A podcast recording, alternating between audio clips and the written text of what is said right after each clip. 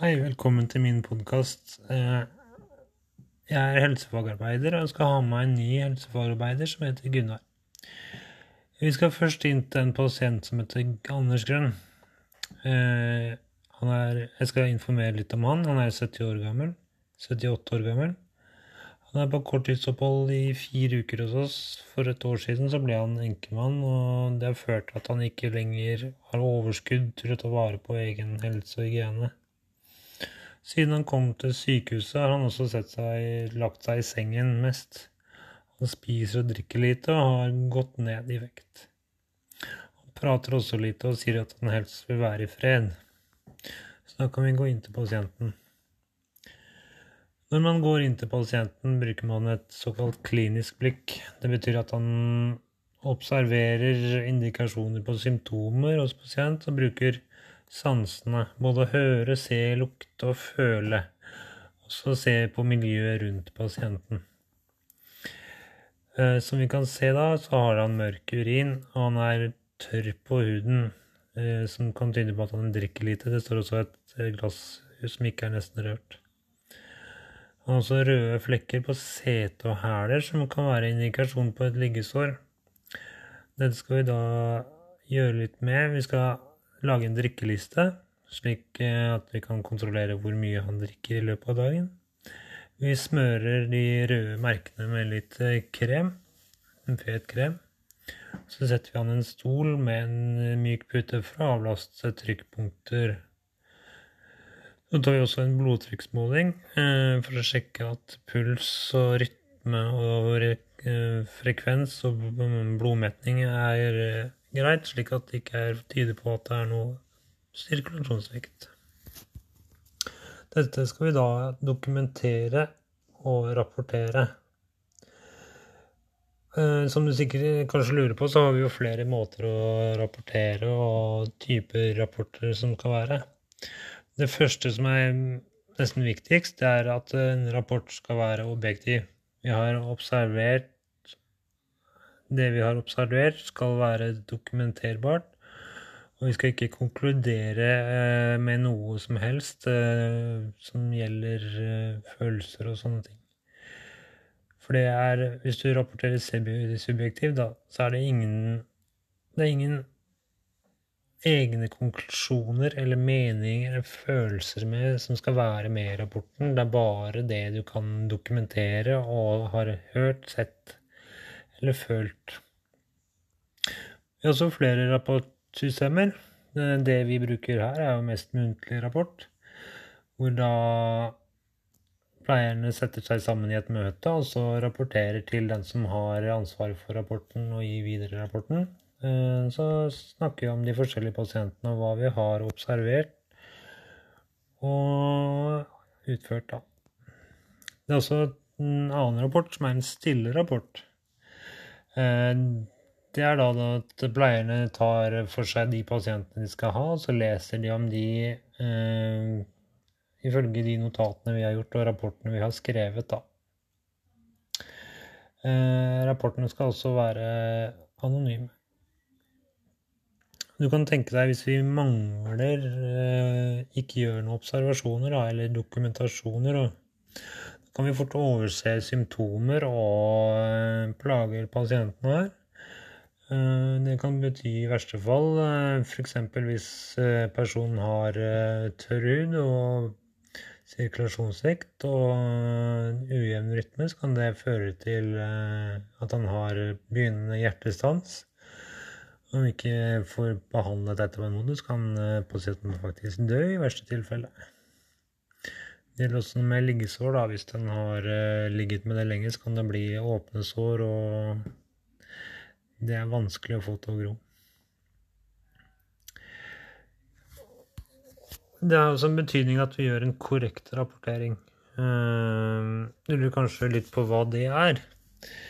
Uh, det er vel består av litt forskjellige elementer. Da. Det første er at vi må sikre flyt av informasjon.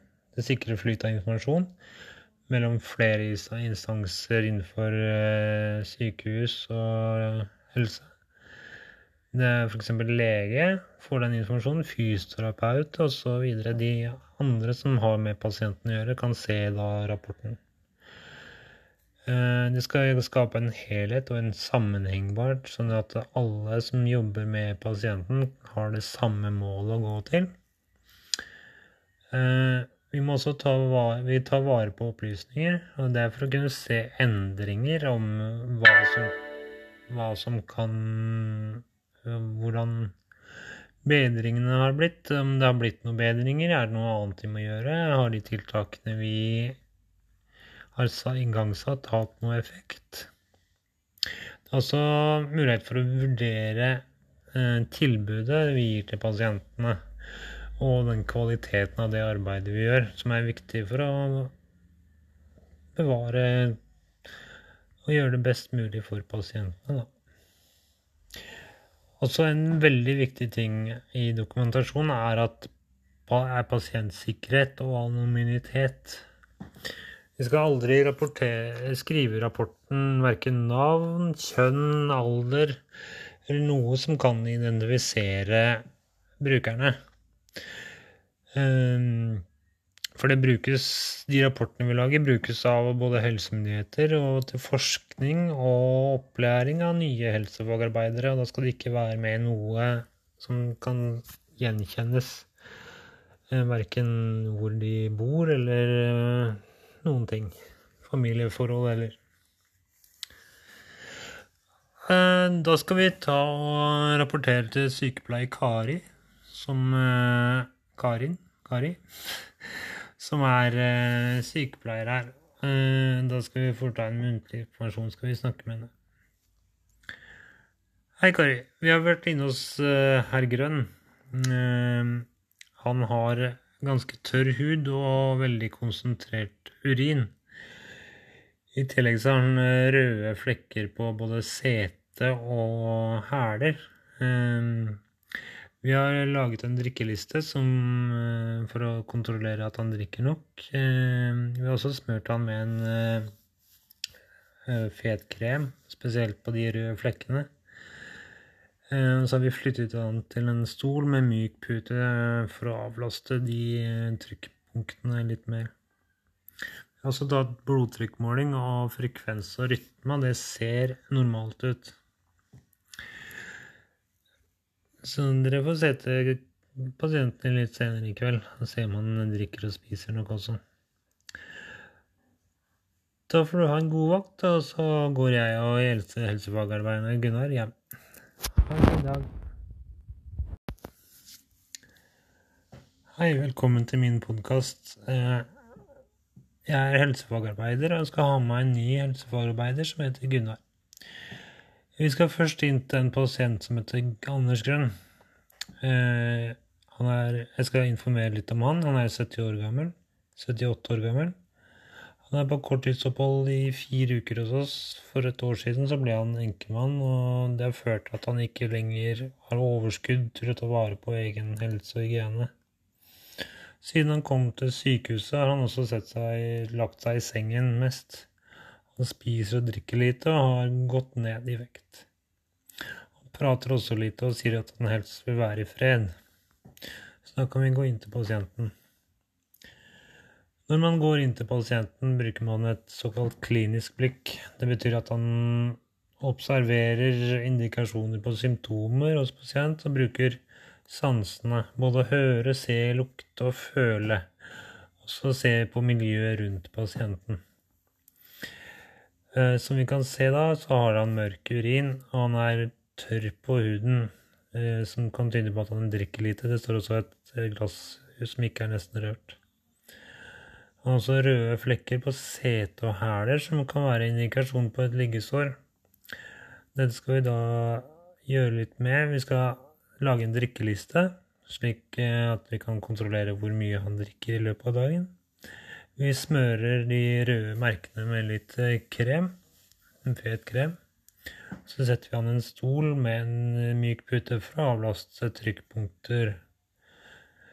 Så tar vi også en blodtrykksmåling eh, for å sjekke at puls og rytme og frekvens og blodmetning er greit, slik at det ikke er, tyder på at det er noe sirkulasjonssvikt. Dette skal vi da dokumentere og rapportere. Eh, som du sikkert kanskje lurer på, så har vi jo flere måter å rapportere og typer rapporter som skal være. Det første som er nesten viktigst, det er at en rapport skal være objektiv. Vi har observert Det vi har observert, skal være dokumenterbart. Og vi skal ikke konkludere eh, med noe som helst eh, som gjelder eh, følelser og sånne ting. For det er Hvis du rapporterer subjektivt, da, så er det ingen Det er ingen egne konklusjoner eller meninger eller følelser med som skal være med i rapporten. Det er bare det du kan dokumentere og har hørt, sett eller følt. Vi har også flere rapportsystemer. Det vi bruker her, er jo mest muntlig rapport, hvor da pleierne setter seg sammen i et møte og så rapporterer til den som har ansvaret for rapporten, og gir videre rapporten. Eh, så snakker vi om de forskjellige pasientene og hva vi har observert og utført, da. Det er også en annen rapport som er en stille rapport. Eh, det er da at pleierne tar for seg de pasientene de skal ha, og så leser de om de eh, ifølge de notatene vi har gjort og rapportene vi har skrevet, da. rapportene skal også være anonyme. Du kan tenke deg hvis vi mangler eh, Ikke gjør noen observasjoner eller dokumentasjoner. Da kan vi fort overse symptomer og eh, plager pasienten har. Eh, det kan bety i verste fall f.eks. hvis personen har tørr hud og sirkulasjonsvekt og ujevn rytme, så kan det føre til at han har begynnende hjertestans. Om vi ikke får behandlet dette på en måte, så kan eh, pasienten faktisk dø i verste tilfelle. Det gjelder også med liggesår. da, Hvis den har eh, ligget med det lenge, så kan det bli åpne sår, og det er vanskelig å få til å gro. Det har også en betydning at vi gjør en korrekt rapportering. Eh, du lurer kanskje litt på hva det er. Det er vel består av litt forskjellige elementer. Da. Eh, det første er at vi må sikre flyt av informasjon. Det sikrer flyt av informasjon mellom flere instanser innenfor eh, sykehus og helse. Det er f.eks. lege får den informasjonen, fysioterapeut osv. De andre som har med pasienten å gjøre, kan se da rapporten. Eh, det skal skape en helhet og en sammenhengbart, sånn at alle som jobber med pasienten, har det samme målet å gå til. Eh, vi må også ta vare, tar vare på opplysninger, og det er for å kunne se endringer om hva som, hva som kan Hvordan bedringene har blitt. Om det har blitt noen bedringer, er det noe annet vi må gjøre? Har de tiltakene vi har igangsatt, hatt noe effekt. Det er også mulighet for å vurdere eh, tilbudet vi gir til pasientene, og den kvaliteten av det arbeidet vi gjør, som er viktig for å bevare og gjøre det best mulig for pasientene. Da. Også en veldig viktig ting i dokumentasjon er at er pasientsikkerhet og anonymitet. Vi skal aldri skrive i rapporten verken navn, kjønn, alder eller noe som kan identifisere brukerne. Ehm, for det brukes, de rapportene vi lager, brukes av både helsemyndigheter og til forskning og opplæring av nye helsefagarbeidere. Og da skal det ikke være med noe som kan gjenkjennes. Eh, verken hvor de bor eller noen ting. Familieforhold eller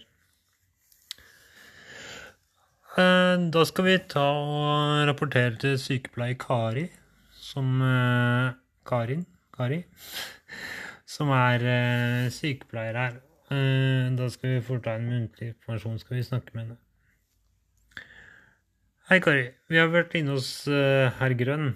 Uh, han har ganske tørr hud og veldig konsentrert urin.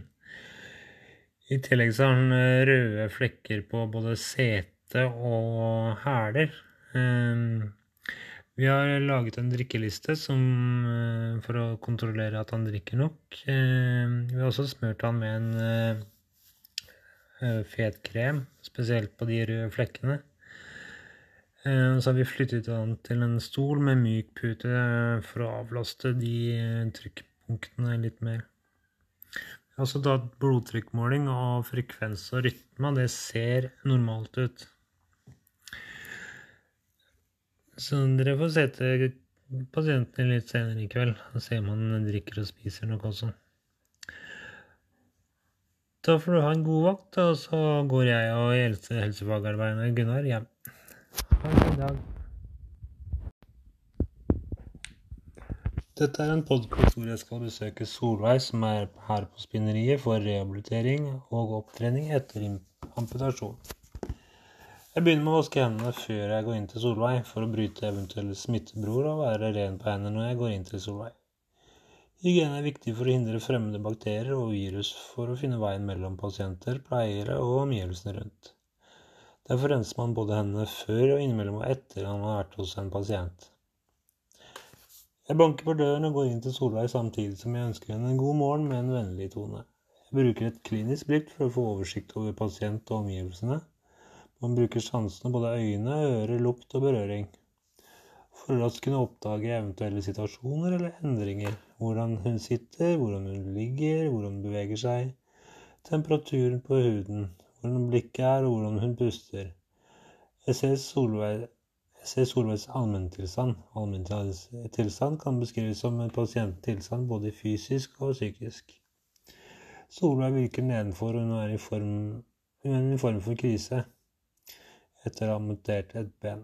Det, vis, det å vise empati og medfølelse overfor Solveig Jeg setter meg ned sammen med henne. Solveig, Solveig med Solveig, snakker med henne, lytter til hva hun har å si, og hvordan hun opplever situasjonen, gjerne legger hånden på henne.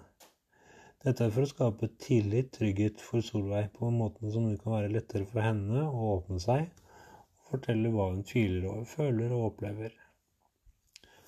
Når jeg er inne hos Solveig, tar jeg først en måling av blodsukker for å sjekke hvilken verdi det har, og jeg utfører også en mys for å sjekke allmenntilstanden til Solveig og få noen konkrete målinger for å utelukke andre problemer. Jeg ser at hun har en del søtsaker og sukkerholdig drikke hos seg, som hun spist en del god, god del av, og hun har lagt på seg litt også. I og med at hun har diabetes 2, er det uheldig for å spise mye mat med høyt sukkerinnhold, og bidrar til at blodsukkeret stiger mye. Solveig har diabetes 2. Det er en sykdom der insulinproduksjonen kan være nedsatt og ikke har så god virkning som før. Kroppen har utviklet en glukosetoleranse som gjør at det ikke aktiveres og produseres nok glukose for å stabilisere blodsukkeret. Type 2-diabetes kan skyldes både arv og livsstil, og to viktige faktorer er overvekt og inaktivitet. Kostholdet spiller en stor rolle i denne gruppen å få kontroll på sukkernivået i blodet.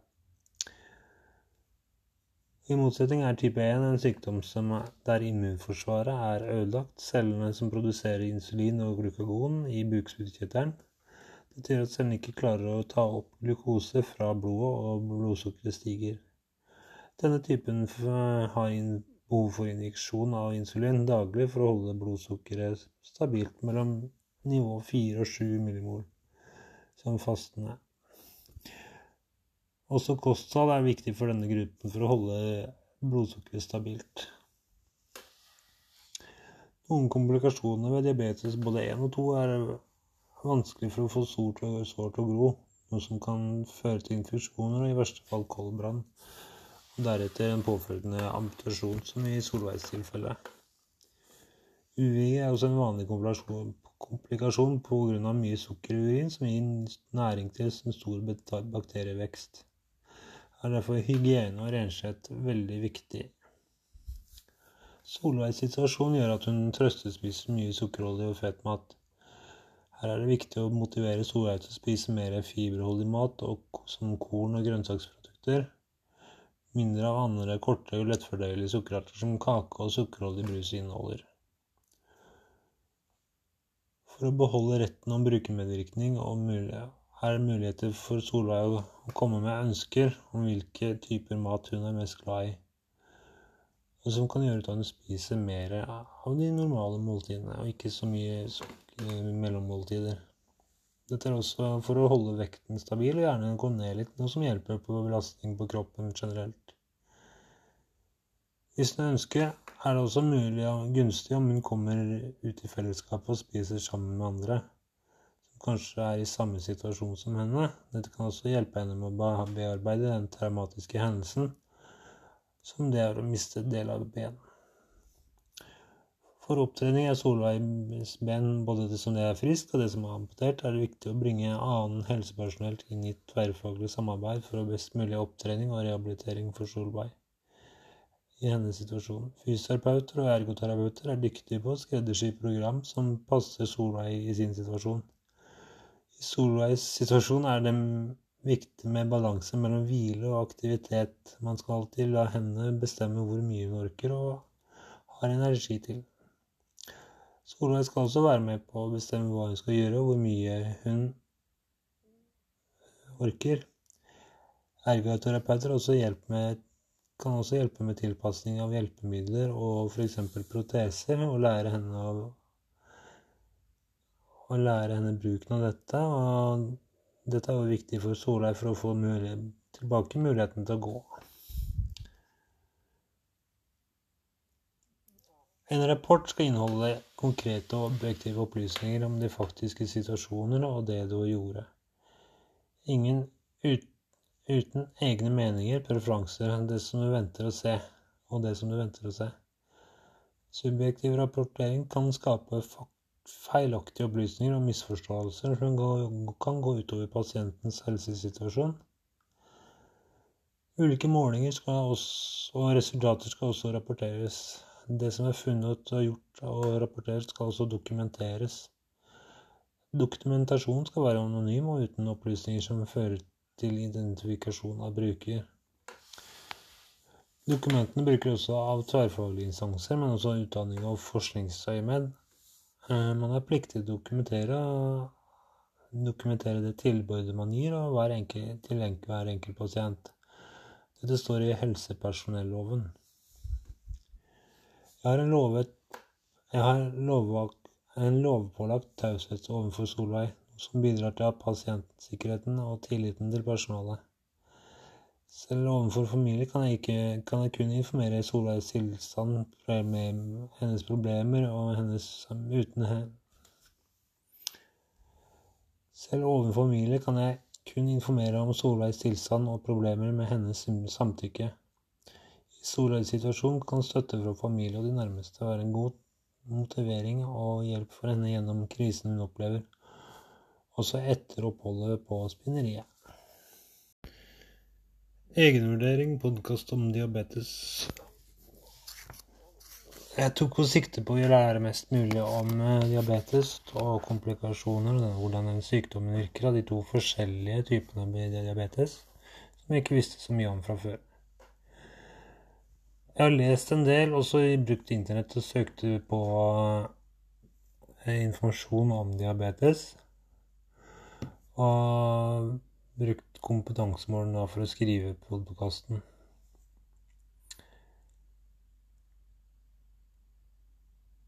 Vurderingskriteriene og de stikkordene som er eh, lagt, har jeg prøvd å få med inn i postkassen, så jeg både viser hva jeg kan, diskuterer litt vondt, og viser også symptomer og sånn på podkasten, og det, hvordan det påvirker pasienten. I arbeidet mitt skrev jeg flere stikkord før jeg begynte å skrive i det hele tatt, for å se at jeg skulle få med meg så mye som mulig. Jeg brukte en god del tid på å lage manuskriptet, rett og slett, for jeg syns det er vanskelig å skrive og snakke ned inn det du skal skrive ned. Jeg snakka litt med Kari om eh, hva jeg burde også i tillegg ha med når det gjelder diabetes. Jeg har brukt boka. Både helse 1 og 2 og kommunikasjon. Eh, og jeg har brukt noen internettsider også. Eh, som DNLA, som er hovedsakelig det som jeg brukte. Jeg prøvde å kvalitetssikre for å få med alle kompetansemåla og stikkord som er til i besvarelsen, hvor jeg prøvde å dele opp litt da jeg får liksom få med alle stikkordene og det jeg mener jeg trenger for å komme i mål med besvarelsen.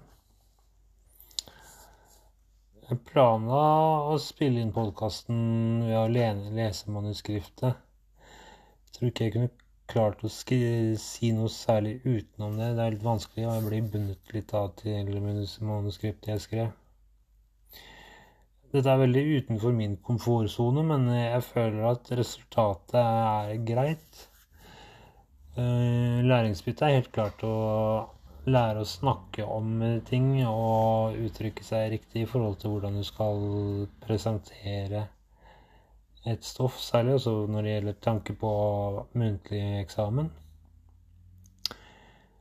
Jeg burde kanskje fått med noe mer. Jeg vet ikke helt hva jeg skulle gjort Eh, for å få med noe særlig mer. Jeg føler at jeg har gjort men altså, Det kan jo utbroderes mer. Det er klart eh, Om jeg skulle gjort det eller ikke, det vet jeg ikke helt. Jeg føler at eh, det var greit, det jeg har svart.